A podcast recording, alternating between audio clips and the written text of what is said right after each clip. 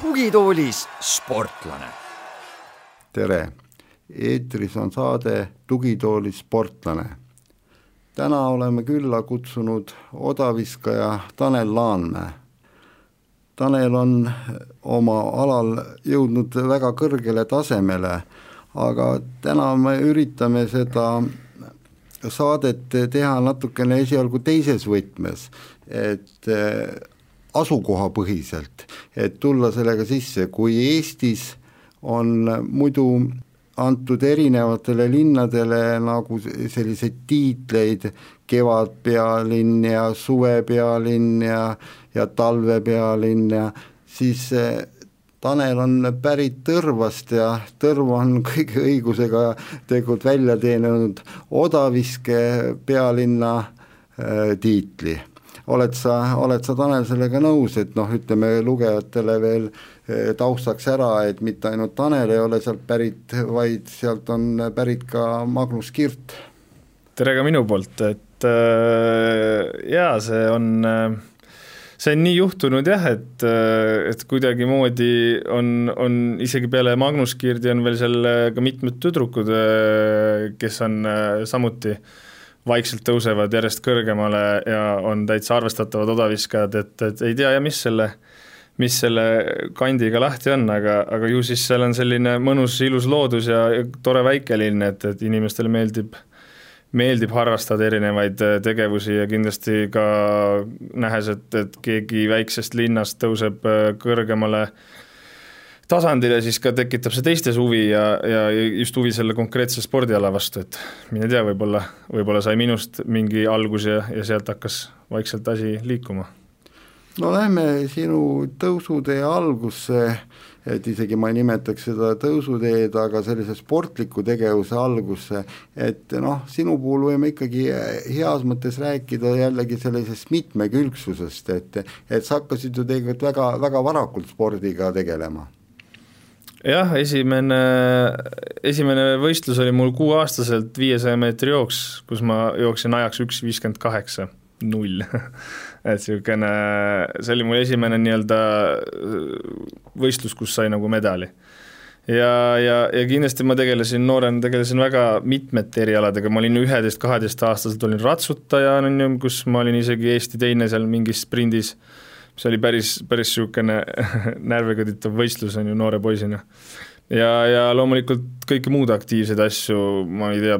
lumelauast, mootorratastega, absoluutselt kõik, kõik kategooriad on läbi käidud, sest et selles mõttes nooruspõlves. et on olnud väga, väga aktiivne. ja, ja noh, sealt edasi siis tuligi kümnevõistlus, millest siis kulmineerus odaviske, odaviskajaks, et aga spordi juurde, ütleme ikkagi suunasid sind vanemad jaa, kindlasti, selles mõttes, et äh, no eks nad nägid juba väiksest peale, et mul oli see nii-öelda spordipisik, noh kui võrreldes nagu mu vennaga, kes oleks ka noh, suure tõenäosusega väga andekas, sest noh, teatud asju, mis ta teinud on, on näha, et tal oleks samamoodi see andekus. aga minul oli see meeletu tahe ja, ja, ja siis ma kogu aeg noh, alguses, kui väiksem olid, siis ikka vanemad viisid võistlustele ja, ja lõpus siis, lõpus siis ma juba tahtsin ise minna ja samamoodi Audentesse suunasid ka vanemad, et ma tegelikult väga, väga ei tahtnud minna, noh, eks, eks seal oligi niimoodi, et nad mitte nagu ei surunud mind, vaid nad ikka nagu noh, tekitasid must selle huvi ja loomulikult, kui ma sinna läksin, siis ma sain aru, et see ongi, ongi õige, õige asi, kuhu minna ja mida teha nagu. no ütleme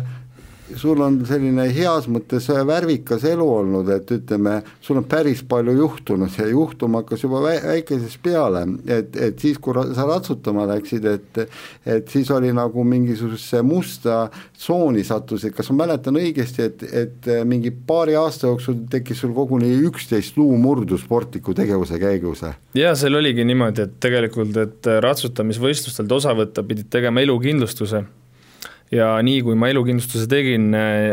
nii pärast seda põhimõtteliselt murdsingi pooleteist aasta jooksul üksteist luud. et äh, noh,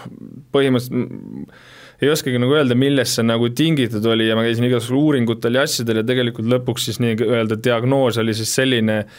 et tegijatel juhtub, et mitte midagi viga ei olnud ja kuna ma olin kasvavas eas ja, ja siis lihtsalt öeldi, et lihased on äh, no mul mitu korda rebisid lihased ka kinnituskohti katki ja, ja selliseid asju, et, et öeldi, et lihased on natuke ette arenenud luustikuga ja luustik on selles mõttes kasvamiseas nõrgem, et aga tollel ajal ma olin üliaktiivne ja siis lihtsalt igasuguseid asju juhtus. vanemad lõid juba kodus risti ette, et ei saa poissi välja lastagi. jah, ega tegelikult isegi oli naljakas juhus oli see, et mida võib välja tuua, et kuna ma olin kindlustatud ka, ja siis oli seal selline asi, et äh, arstid hakkasid kahtlema nagu, kas see nagu on päriselt. ja kuna ma Valgas käisin äh, nii-öelda kirurgi juures, noh, ma ju Tõrvas elasin, on ju, siis hakati Valgast, äh, saadeti, tähendab, kindlustus käskis saata pildid Tartusse, et neid ei oleks nagu võltsitud ja siis isegi kirurg käis sellise asja välja, et äkki on kodus mingi vägivald, et ega nagu isa või keegi ei murra sul luid, mis oli nagu mulle emale täielik šokk nagu, et kas sa nagu noh, ilmselgelt ta sai vihaseks, kui keegi ütleb niimoodi, et on ju nagu noh, mis mõttes nagu isa murrab luid või midagi, et see on ju täiesti noh, kindlasti seda võib olla kuskil, ma ei tea, kus kus ma ei tea, riigis või kohas, et et raha saamise eesmärgil mm. nagu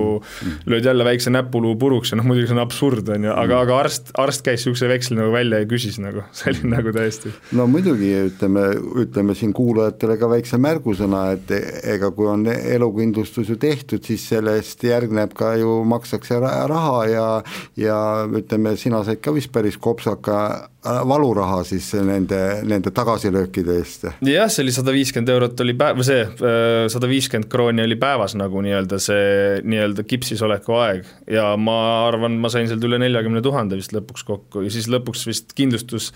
kui ma õigesti mäletan, kindlustus ei soovinud enam mind kindlustada niimoodi, et nad ne, nagu muutsid tingimused nii kehvaks, et mul ei olnud nagu mõtet seal olla. või midagi sellist, nagu mina oleks süüdi.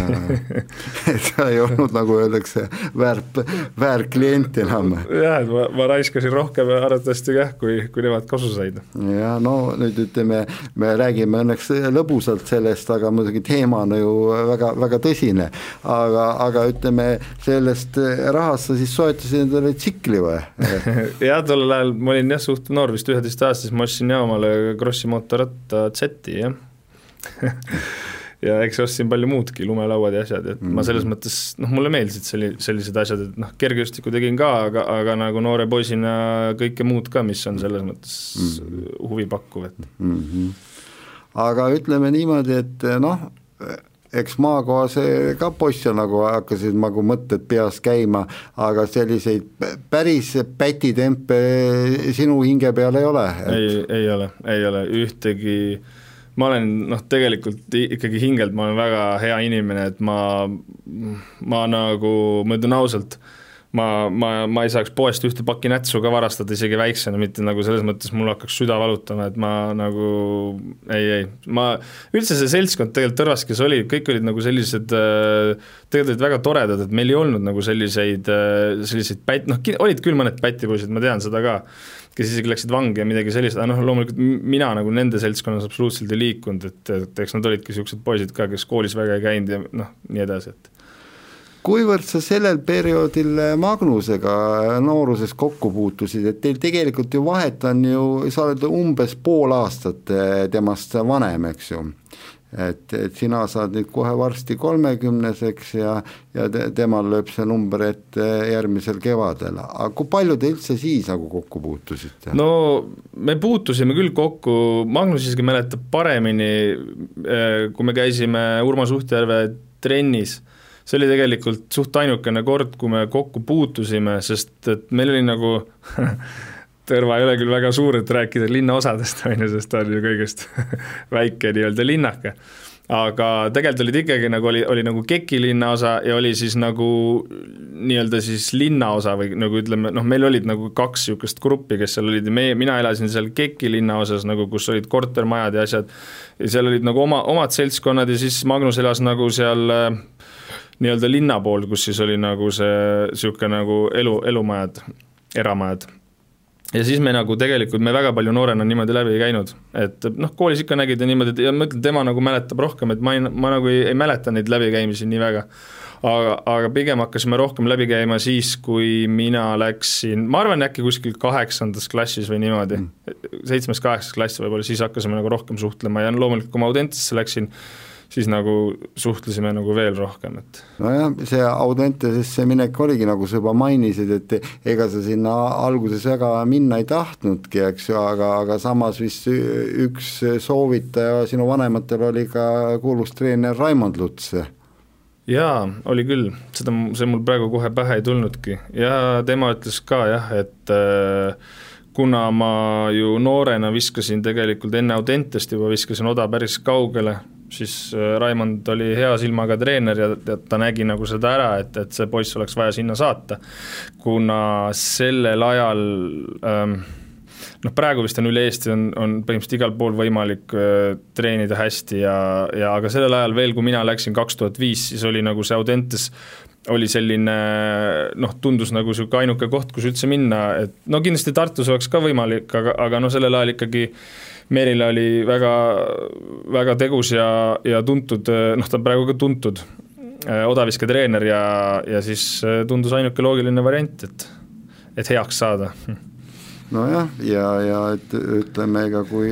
kui nüüd tagantjärele vaadata, ega, ega sa midagi valesti, valesti ei teinudki ei, ma ei teinudki, seal Audentesesse minnes ju muutus tegelikult mul kogu see treeningsüsteem ja asjad muutusid nagu korrapäraseks ja professionaalseks, et, et kool, treening, kool, puhkus ja, ja Audenteses ma võtsin tegelikult asja väga tõsiselt, no ütleme, mina ei olnud, mina olin üks see sportlane, kes ei käinud pidudel, kes mõtles, et homme on ka trenn ja, ja nii edasi, et meil oli seal päris palju vendi, kes noh, kes suisa visati koolist välja ja mu enda toanaaber visati visati koolist välja ja, ja nii edasi, et tegelikult seal nagu elu käis, aga, aga mina olin nagu selle põhimõttega, et, et, et ikkagi homme on treening ja, ja ma ei olnud kunagi niimoodi, et, et mingi kaua üleval olemise pärast või peo pärast või midagi, et jääks nagu treening tegemata, et mul oli nagu selge siht silme ees. jah, ja sa oledki vist oma klassist üks väheseid, kes üldse tippsporti on jõudnud ja, ja jäänud. jah, sest et ega minu klassist ju meid oli seal kolmkümmend üle kolmekümne tüki ja osad, päris paljud, kes olid, ütleme, võrkpall, läksid üldse USA-sse. Ja, ja, ja kes veel, ütleme nimekalt, oli, oli Jelena Glebova, on ju, tema natuke aega tegi ka. Ja vist nüüd enam ei tee juba päris ammu. ja, ja ja kindlasti olid mõned veel, kes mul praegu hetkel kohe pähe ei hüppa, aga ütleme jah, et ütleme niimoodi, võib-olla viis protsenti äkki või kümme protsenti oli, kes nagu pärast veel edasi tegid ja võib-olla praegu ongi nagu mina ja võib-olla mõned veel nagu, kes teevad, et aga, aga jah, ega selles mõttes äh, jah, käsipallipoisid olid ka näiteks seal, kes praegu on treenerid ja toimetavad seal, et aga jah, aga eks seda oligi näha, ütleme niimoodi, et seda oli nagu kohe näha, et mm. ega osad, kellel oli nagu suured eesmärgid, osad, kellel olid väiksemad eesmärgid, et no üt-, ütleme nii, et kui sa Tallinna tulid, et siis sa juba olid tegelikult tulevikulootus, sest noh, Oda lendas kaugele ja ja noh, siin hakkas ta eriti lendama, et siin eri vanuseklasside rekordid võtsid sa klõpse, klõpse enda, enda nimele ja noh, üks sinu ilusamaid vähemalt võistlusi oli ka juunioride EM kaks tuhat seitse Hollandis, eks, kus siiski jäi ka kahjuks see i-le täpp panemata jah, äh, jah, ma käisin ju tegelikult juba A-klassis, ma, A-vanuseklassis ma juba sain ju juunioride MM-ile kaks tuhat kuus, mhm. olles ise veel noorem, et äh, ja Hengelos oli jah, oli, oli nagu võimalus äh, noh, selles mõttes seitsekümmend kuus meetrit oli mul medalivõimalus ju täitsa olemas, aga, aga ma arvan, et seal oli lihtsalt selline veits natukene kogenematus nagu endal ja kindlasti noh, tagantjärgi seal mingid asjad nagu me tegime valesti, mille taha nagu see medal jäi ja, ja kui ma nüüd üldse vaatan tänapäeva, siis tegelikult nagu tänapäeval on asjad, noh, võib-olla kogu selle äh, digi- ja nutiajastuga on, on näha nagu, et noortel on äh, palju lihtsam seda head infot äh, saada, kui nagu sellel ajal oli, et see, et see noh, mina ütlen, vähemalt mul oli nagu keerulisem, et, et no tagantjärgi võiks paljusid asju teistmoodi teha, aga noh, eks see ongi tagantjärgi tarkus. no ütleme kuulajatele nii palju ära, et nad olukorrast hästi aru saaks, et sa läksid kvalifikatsioonis, viskasid kergelt seitsekümmend kuus, eks mm, -hmm. mängeldes, aga pärast põhivõistlusel punnitasid, mis sa punnitasid, tuli napilt seitsekümmend, aga medali oleks saanud seitsmekümne kahega, eks ju, et mm. see ongi see nagu see valus, valus meenutus, et, et just seal nagu selle kahe võistluse vahel ja eel siis läks, läks midagi rappa, eks no ega seal oli põhiline vist see, et ma soojendusel nii-öelda, ma arvan, me tegime liiga palju soojenduskatseid, et ma tegin ikkagi kvalifikatsioonis oma põhivõistluse ära ja ja lõppvõistluseks olin lihtsalt tühi, et, et seal noh, jah, muidugi on kahju, seitsekümmend kaks mm. meetrit ja, ja siinkohal, et see oli ikkagi meeste odaga visatud, et noh nojah, et see ongi, et, et siis sa olid noh, ütleme, kõlab halvasti, aga, aga see ei ole halva mõttes, siis sa olid jumbu veel, sul ei olnud mm. neid kogemusi, eks, sa ei teadnud, mis sulle täpselt sobib, eks, et kui siin praegu Magnuski vaadata soojendustel ja ta ise seda rõhutab, et ta ei, ta ei kipu ennast seal nii-öelda tühjaks viskama, eks ju, pigem ta teeb väga kontrollitud viskeid, et me oleme Eesti odaviskajaloost, jätame siin täna nimed nimetamata, väga kuulsad mehed on ennast visanud enne võistlust soojendusel tühjaks ja, ja nii et, et eks sinagi pidid toona kõva kooliraha maksma. Jah, ma maksin seda päris mitme võistlusega, muidugi mul oli sellel ajal ka ju, ütleme okei okay,, see võistlus oli ikka puhtalt äh, nii-öelda professionaalsuse puudumine, et ma lihtsalt viskasin ennast tühjaks, aga mitmed teised võistlused olid ka teatud jällegi mingid probleemid, äh, kusjuures pärast kahte tuhat seitset aastat hakkasidki nagu mingid niisugused jamad nagu pihta äh, ja, ja sealt nagu äh, oli jah, just, just tiitlivõistluseks, ma ei tea, kas see oli võib-olla liiga üleüritamine või pingutamine, et suht tihti ma nagu läksin katki just enne tiitlivõistlusi, et ma suutsin küll häid tulemusi visata ära, aga just olulistel moment- või noh, jõuproovidel siis, kus oleks pidanud olema nagu noh, siit jällegi taaskord ma võin tagantjärgi siin, tegelikult see oleks pikk jutt, mida mida ma valesti tegin ja ma ise ka seda tean nagu ja kindlasti seda saaks nagu noortele edasi anda, et võib-olla noh, paljud äh, tippsportlased annavad noortele edasi ka seda, et kuidas olla hea, aga, aga võib-olla noh, ma arvan, minu tarkus oleks võib-olla just siinkohal, et kui läheb nii nagu, et tegelikult miks, miks nagu nii läks, et mul on nagu selgelt see arusaadav praegu, miks need kõik asjad niimoodi läksid, et, et seal on kindlasti asju, mida teha teisiti ja, ja mitte ära anda neid võimalusi saada tiitlimedaleid nojah, et ütleme siis tegelikult sinu äh, vigastuste ja kohutavate ka tagalöök, tagasilöökide kadalipp äh, alles pihta hakkaski, eks ju mm. -hmm. et, et peaaegu siin ei möödunud, möödunud aastatki, kui sul, kui sul poleks midagi olnud, aga noh, ütleme eks seda tõrvikut aidis, aitas ilmselt sul ikkagi püsti hoida ka see fakt, et sa viskasid üheksateistaastaselt peaaegu kaheksakümmend kaks meetrit oda, eks ju, mis oli ikkagi selles vanuses nagu supertulemus ja sa olid ka täiskasvanute maailma edetabelis kolmekümne hulgas ja, ja see jah, ma olin vist üheksateist äkki või? ja, ja oma vanustes ja. olin äkki neljas või midagi sellist, et sellel ajal viskasin ma ju kaheksakümmend üks, üheksakümmend kuus jah, nojah, põhimõtteliselt kaheksakümmend kaks meetrit, et see, ma viskasin selle võistluse sees veel mitu korda üle kaheksakümne, et tegelikult see oli, ja see oli ju pärast äh, kümme päeva pärast südame sondeerimisel käimist, et see oli veel omaette nagu selline äh, kõva saavutus nagu, neid takistusi on nagu takistusi on nagu tee peal ees, ma arvan,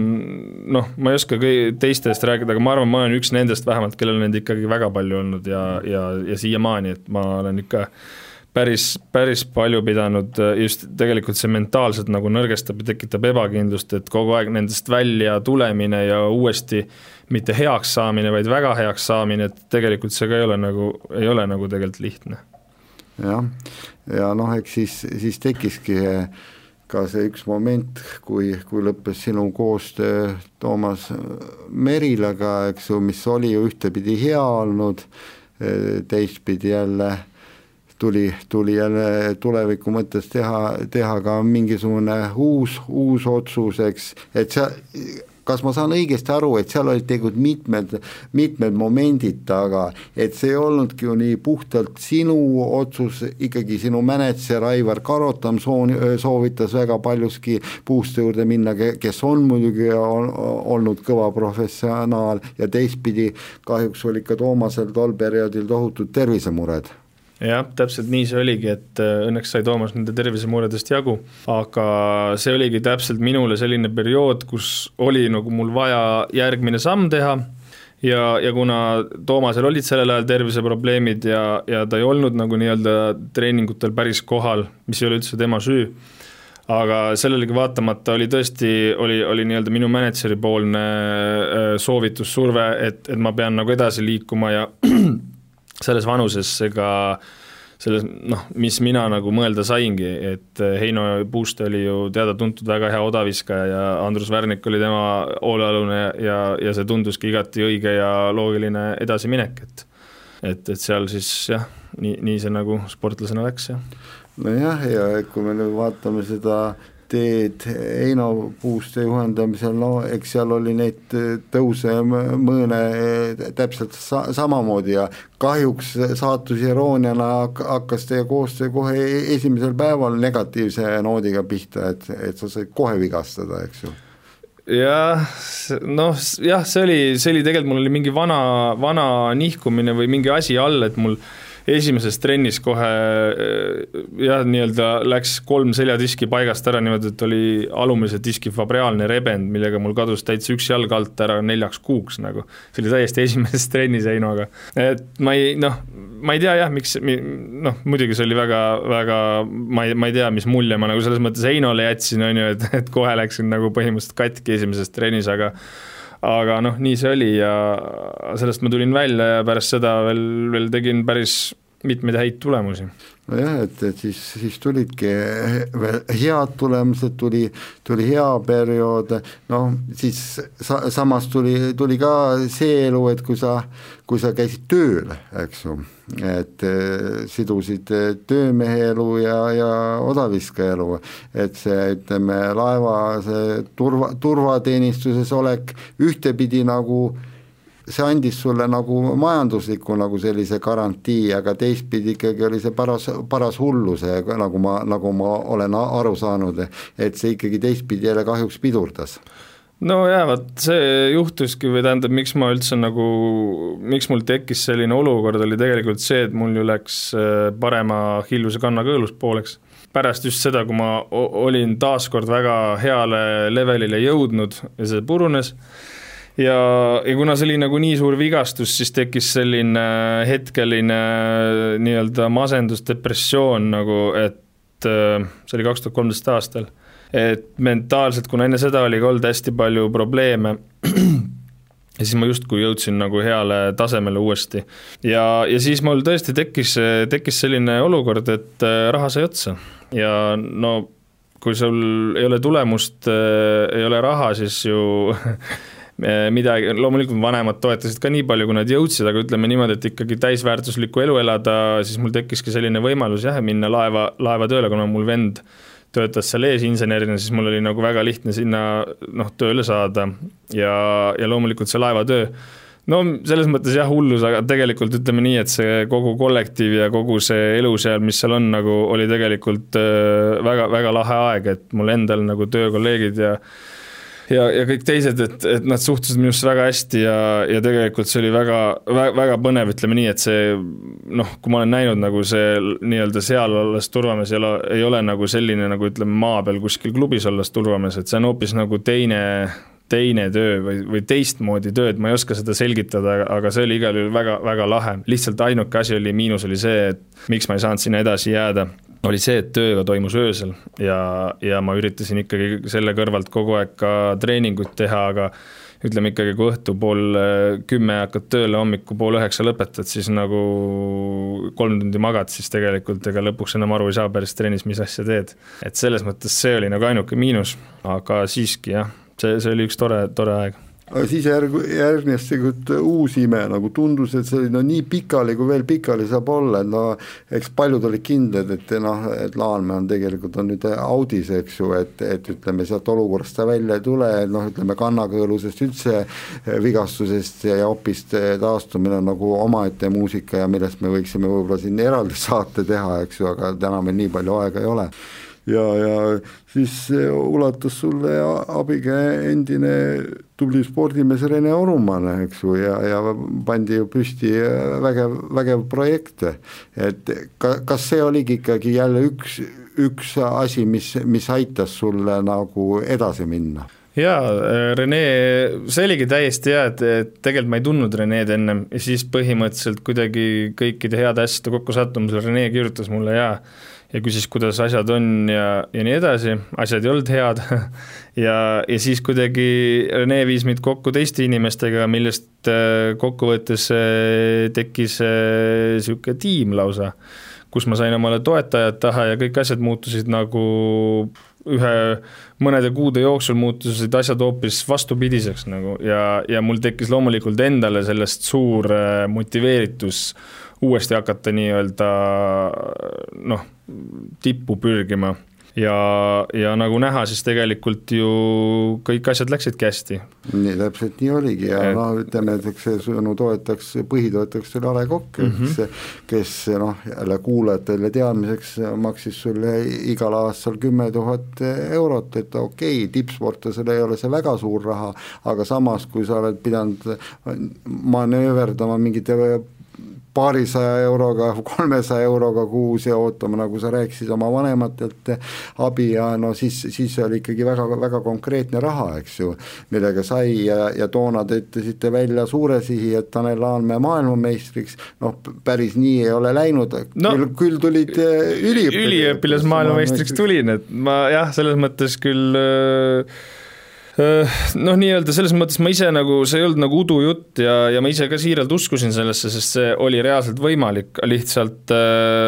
nagu spordist teada, siis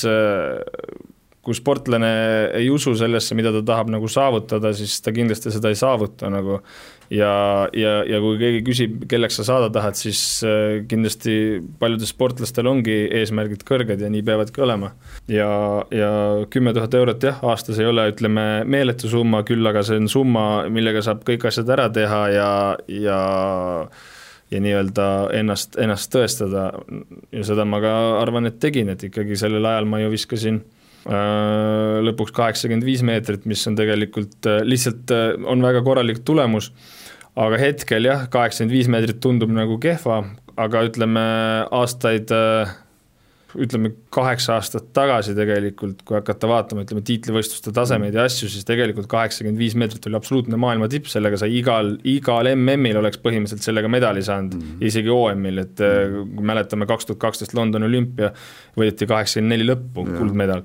et siis tegelikult see oli, see oli väga hea tase ja, ja ütleme noh, üldsus ka võib-olla noh lähtub nagu alati hetke, hetke tasemest, mis nagu maailmas on, et mäletame ka üheksakümmend oli ka ju, kui oli esikoht, ma ei mäleta, mis võistlus, mis mm see oli, kui no ütleme, medalid jagati ikkagi kõik üheksakümne meetrised tulemused peaaegu. no Pekingis Julius Jego ju viskas ju üle, üle üheksakümne ja nojah, siis ja ma mõtlen pigem kui Jan Selesne ja, ja, ja, need vennad, ja, ja et siis oli ka tegelikult mingi hetk oli ju tase väga kõva, et kaheksakümne kaheksa meetriga sai ja. vist kolmanda koha. ja, ja siis mingi aeg see nagu kukkus, et see käibki tegelikult üles-alla, et, et noh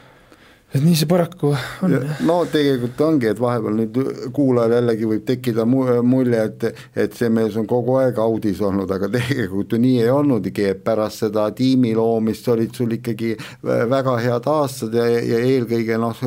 no hea aasta oli ka kaks tuhat viisteist, kui, kui sa võitsid võistkondliku EM-i selle liiga tasemel, mis oli isikliku rekordiga, isikliku mm. rekordiga, siis äh, võitsid äh, universiaadi, millest äh, juttu oli ja ülinapilt jäid ju välja MM-il lõppvõistluselt, eks ju, et sa olidki seal ühe jalaga ja, ja pärast, kui kakskümmend sentimeetrit. ja, ja kakskümmend senti puudu ja, ja kahjuks oli su oma tiimikaaslane, kes sind välja viskas, eks ju, aga noh, see ei ole muidugi muidugi Risto Mätasele etteheide, eks ju. ei, loomulikult. et tema, nii et, et ikkagi kaks, kaks tuhat viisteist oli ikka väga positiivne aasta ja ja hakkasid ju kahe tuhande kuueteistkümneks eh, ka valmistuma eh, suure optimismi pealt, eks, polnud ju pessimismiks vähimatki põhjust aga kahjuks juhtus see, et eh, talvel teie, teie Teino Puustega läksid lahku, et miks, miks see siis ikkagi toona nii juhtus? Jaa, läksid lahku ja selles mõttes jah, kaks, noh korraks rääkides kahe tuhande viieteistkümnendast aastast, siis see oli ju aasta, kus ma viskasin juba vist peaaegu üheksa korda üle kaheksakümne meetri, et ütleme, kui ma tegin selle viisteist võistlust, on ju, et see oli tegelikult väga hea aasta ja kaks tuhat kuusteist ma viskasin ju suisa üksteist korda üle kaheksakümne meetri nagu erinevatel võistlustel ja isikliku rekordi ka. Et no jah, Heinoga lahkuminek oligi tegelikult niimoodi, et see ähm, eks siin on nagu äh, palju juttu erinevaid olnud, et äh, aga tegelikult see ei ole nagu selles mõttes lahkuminek, et mina lihtsalt ei tahtnud ja et ta on halb treener ja mind enam ei huvita või midagi sellist, et ta oli selles mõttes ikkagi hea treener, asjad arenesid ja aga pigem äh, see üldine süsteem, võib-olla keegi teine oskab sellest paremini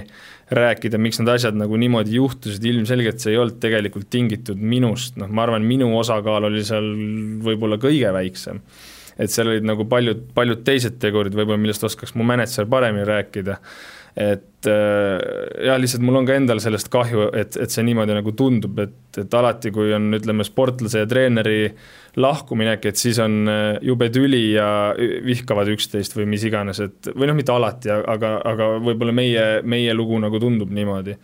et tegelikult see ei olnud nii ja ega ma päris täpselt, äh, täpselt ei teagi tegelikult, mis põhjustel äh, see lahkuminek oli küll, aga seal nagu mingeid, mingeid asju ma nagu kuulnud olen ja ütleme nii, et see, see ongi nagu väga keeruline no veebruaris kaks tuhat kuusteist põhimõtteliselt olid sa iseenda treener, eks ju, ja, ja valmistasid üksinda, noh, häid nõuandeid ikka aeg-ajalt kõrvalt tuli, et selle pealt tegid sa ju kaks tuhat kuusteist, nagu me ütlesime, veel imehea aasta, et üksteist laksu üheteistkümnel võistlusel üle, üle kaheksakümne, pluss kohe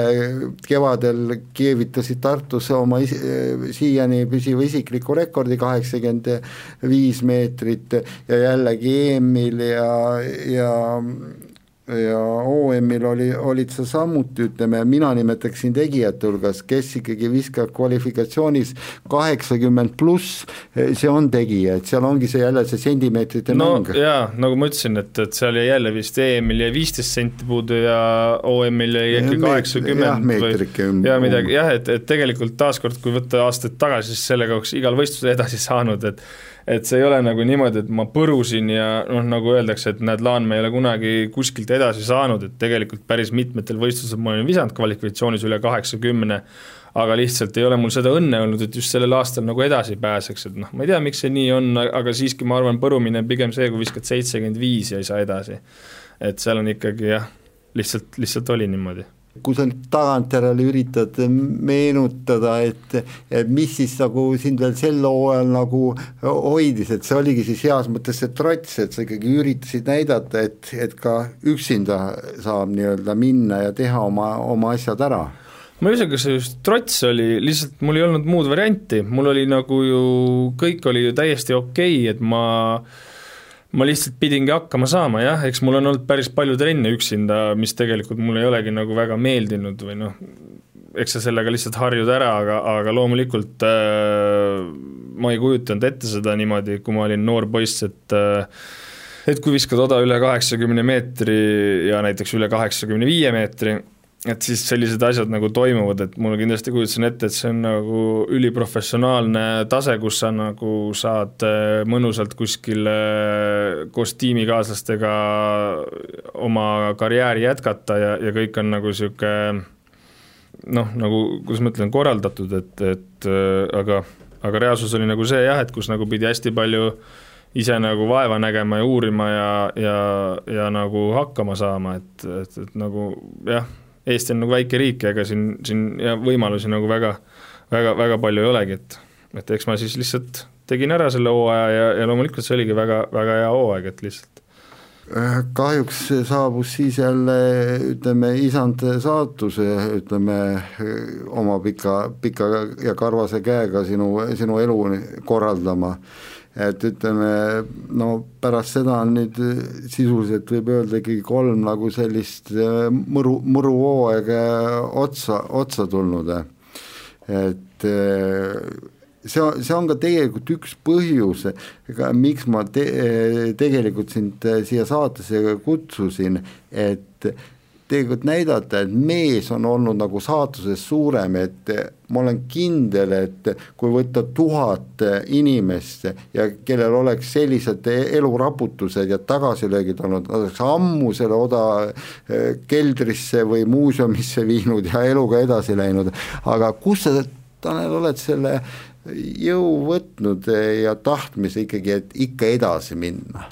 Äh, jah, kui rääkida sellest, nendest äh, vigastustest ja kõigist probleemidest, siis on ka ju veel tegelikult siin eraldi aspekt, nagu, nagu sa just ütlesid, et, et äh, see inimestepoolne surve, kus kõik ütlevad ja tahavad nõu anda ja et lõpeta ära ja miks sa teed ja sa oled loll, et sa teed ja noh, et kas sa ei taha umbes elada ja, ja kõik niisugused asjad nagu, et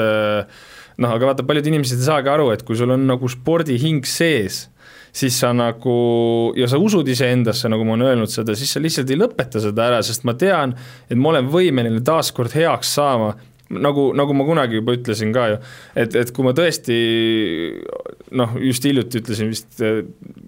teises väljaandes, et, et kui ma tõesti viskan seitsekümmend viis meetrit ja ma olen täiesti terve, siis ma tõesti lõpetan ära selle asja nagu selles mõttes, siis on näha, et ei ole nagu mõtet, aga, aga nagu siiamaani ma usun iseendasse ja, ja, ja kui ma nüüd suudan uuesti nagu nii-öelda saavutada selle stabiilsuse, mis hakkab nüüd ka tulema, noh, loomulikult need kolm hooaega on olnud väga, väga hullud nagu selle koha pealt, et eelmisel kahel hooajal ma mõlema suutsin visata kaheksakümmend kaks meetrit ainult ühe korra ja see aasta ma ei suutnud isegi kaheksakümmend, äh, isegi kaheksakümmend meetrit visata. ja, ja noh, tõesti mul see aasta oli väga, väga, väga raske aasta, et mul ju Hispaania treeninglaagris juba teises trennis äh, läks uuesti säärelihas, rebenes kergelt ja, ja sealt hakkas see kogu nii-öelda pall veerema, et äh, ma tõesti üritasin väga palju, andsin endast sada kümme protsenti ja ja taaskord mentaalselt, ma arvan, see aasta oli nagu spordi poole pealt küll kõige raskem ja noh, eks, eks nüüd näha ole. No vot, ongi, et kõrvaltvaatajad, kiibitsejad, ükstaskõik, kuidas me seda nimetame, noh, nemad võtavad kõike, et, et küsivad nii, et ah, kuidas on võimalik, et järsku mees, kes on kaheksakümmend viis visanud, ei suuda enam kaheksakümmend visata. aga mina, mina ütleks mitte, ma ei taha olla nüüd sinu advokaat või jurist, eks, aga ikkagi ma ütlen, et, et võtke nüüd mõistus pähe ja vaadake, mis maailmas toimub. Toomas Rööler, eks ju, mees, kes raius üle üheksakümne meetri nagu, nagu nalja, eks ju. ja nüüd on mehel võistlusi, kui Suuremägu katsed kukuvad enne kaheksakümmend maha no,. Saksamaa meistrivõistlused võistlused, esimesed kolm katset mm. olid äh, seitsekümmend, seitsekümmend neli, seitsekümmend viis ja seitsekümmend kaheksa äkki mm. -hmm. ja lõpuks sai kaheksakümmend kaks ühe viske nagu, et selles mõttes ja, ja tal on terve suvi tegelikult selline kehva olnud, ütleme tema kohta ikkagi kehva noh, et kui ta ikkagi viskab parimal katsel kaheksakümmend üks, kaks, siis kümme meetrit, üksteist meetrit rekordist. jah, et, et odav, odav ise, oda, see ongi odav ise ja ta on nii tunnetuslik ala ja eriti, kui sul on kuskilt mingisugune problemaatiline nagu piirkond, eks on ta siis õlg või küünarnukk või, või reis või säär, no ta ei lase sul neid liigutusi õigesti teha, sest kuskil alateadvuses on see ki-, siis press või surve peal. jaa, sest mulle on ka räägitud ju, et, et sul on vaja minna psühholoogi juurde, et sul on see peas kinni ja see ja teine ja kolmas, ja kindlasti ongi peas kinni, aga taaskord ma tahan siinkohal öelda, et äh, kui sa ei ole nagu sada protsenti terve, siis äh, ongi nagu väga raske üle olla sellest, et, äh, et nii-öelda äh, oma peas välja lülitad, et sul ei ole midagi viga ja sa saad teha selle soorituse, ütleme nii, et ega kaheksakümmend viis meetrit ja võib-olla Magnus on pannud äh, inimesi arvama, et väga lihtne ongi visata üle kaheksakümne viie meetri, noh, ilmselgelt on selle jaoks teinud aastakümneid siin tööd, et, et see, et see tunduks nii-öelda lihtne mm, -hmm. aga nagu me maailmas ka vaatame, siis tegelikult see ei ole absoluutselt nii lihtne, nagu mm., nagu viimane võistluski oli, et, et ega noh, ainult, ainult mõni mees viskab üle kaheksakümne viie, et ikkagi see, see on raske ja, ja noh, selle, selle, selle kallal tuleb kõvasti tööd teha. jah, no me olemegi nüüd ilusasti meie jutuajamise lõpuks tulnudki selle hooaja peale ja tegelikult maiuspalad on ees veel, kõige suurem maiuspala peaks olema kahekümne seitsmendal septembril Dohas algav mm noh, ma kujutan ette, et sinu jaoks on nagu selline va-, vastuoluline olukord, et et hea meelega sa oleksid ise oda käes seal ja teeksid suuri tegusid, aga noh, täna, tänavast tuleb vaadata telekast seda, seda võistlust, et mis, mis mõtetega sa sinna teleka ette istud ja mida sa ootad? no see aasta on tõesti niimoodi esimest korda, et kaks tuhat üheksa oli esimest korda, kui ma üheksateistaastaselt sain maailmameistrivõistlustele, täiskasvanute omale, nüüd on kaks tuhat üheksateist siis esimest korda, kui ma ei saa sisuliselt äh, tiitlivõistluste normi täis. et äh, mm, see oli mulle need viimane, viimased ütleme kuu aega oli mul äh, väga raske nii-öelda hakata vaikselt mõtlema seda, et ma ei, ma ei, võib-olla ei suudagi seda normi ära visata. ja siis lõpuks läkski juba punnimiseks ja nüüd lõpus viimase võistluse ma tegin jalale veel rohkem haiget nagu, et, et, et mul on sellest siiralt kahju nagu, et selle nimel ma ei teinud kogu talv trenni, et mitte sinna pääseda, visata seitsekümmend viis meetrit, on ju, et, et tegelikult talvetreening oli ju, läks tegelikult kõik hästi lihtsalt ja aga ütleme nii, et teleka ette ma ma ei oskagi öelda, mis mõtetega ma istun, sest ma pole ammu istunud niisuguste, ma olen alati ise nagu võistlustel kohal olnud, et aga ega kindlasti ma elan omadele kaasa ja, ja, ja loodan, et Magnus paneb eh, taaskord seal oma sõna maksma ja, ja miks mitte, oleks tore ju, kui tuleks uuesti meil maailmameister odaviskes, et, et kõik on ju võimalik ja, ja kindlasti see tuleb väga põnev, et jah, et ütleme, nüüd me oleme juba kõik ennast häälestunud äh, nagu sellele lainele, et, et see võikski nii olla, et, et Magnus tuleb maailmameistriks, eks ju, aga aga noh, samas ikkagi noh, kõik ikkagi kardavad endiselt sakslasi, et, et see püss võib neil ühel hetkel lahti minna, noh, Taipei mees äh, näitas ikkagi, mis klassist äh, tema on, et lihtsalt seal mitte midagi no, olema ei saa. kui me võtame tagasi, kuna toimus eelmine universiaad, kus mm -hmm. viskas nii Hoffmann no, kui, kui Taipei Bayend viskasid mõlemad üle üheksakümne ühe meetri, et siis nagu, nagu näha, odaviskas tõesti võib juhtuda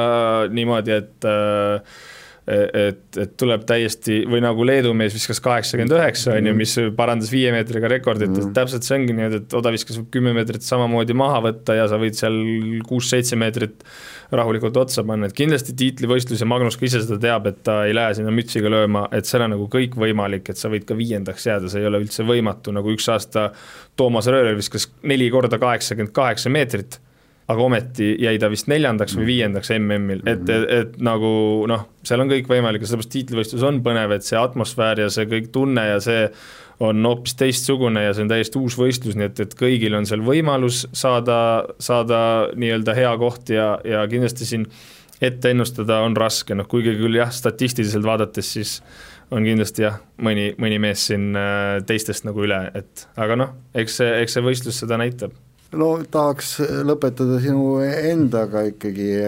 et praegu sa võtad heas mõttes aja maha, oled perekonnaga, tegeled oma väikse pojaga. jah, ütleme, poeg on ikkagi väga väga suur rõõm mu elus, et kõige muu äh, ebaõnnestumise kõrval on ikkagi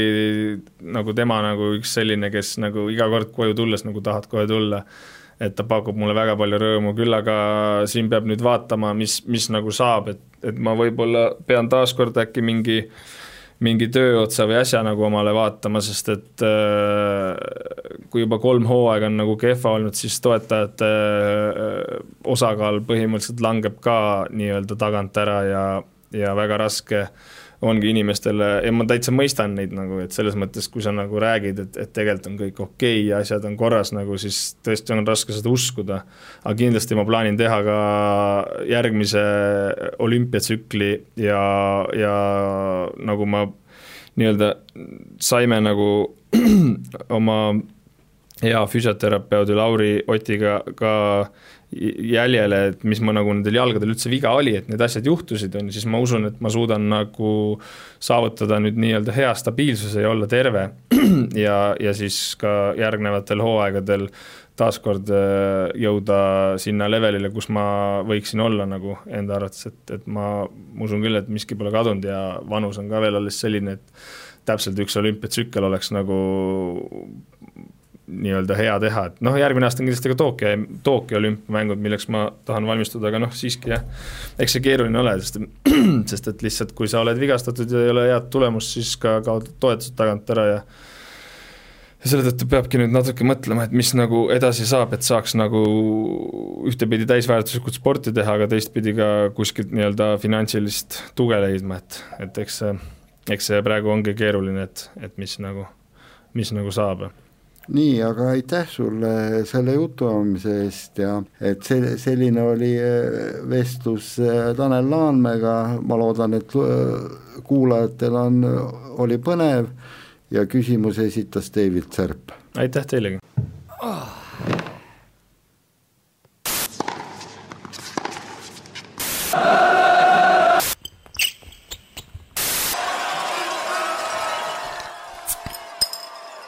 Tugitoolis sportlane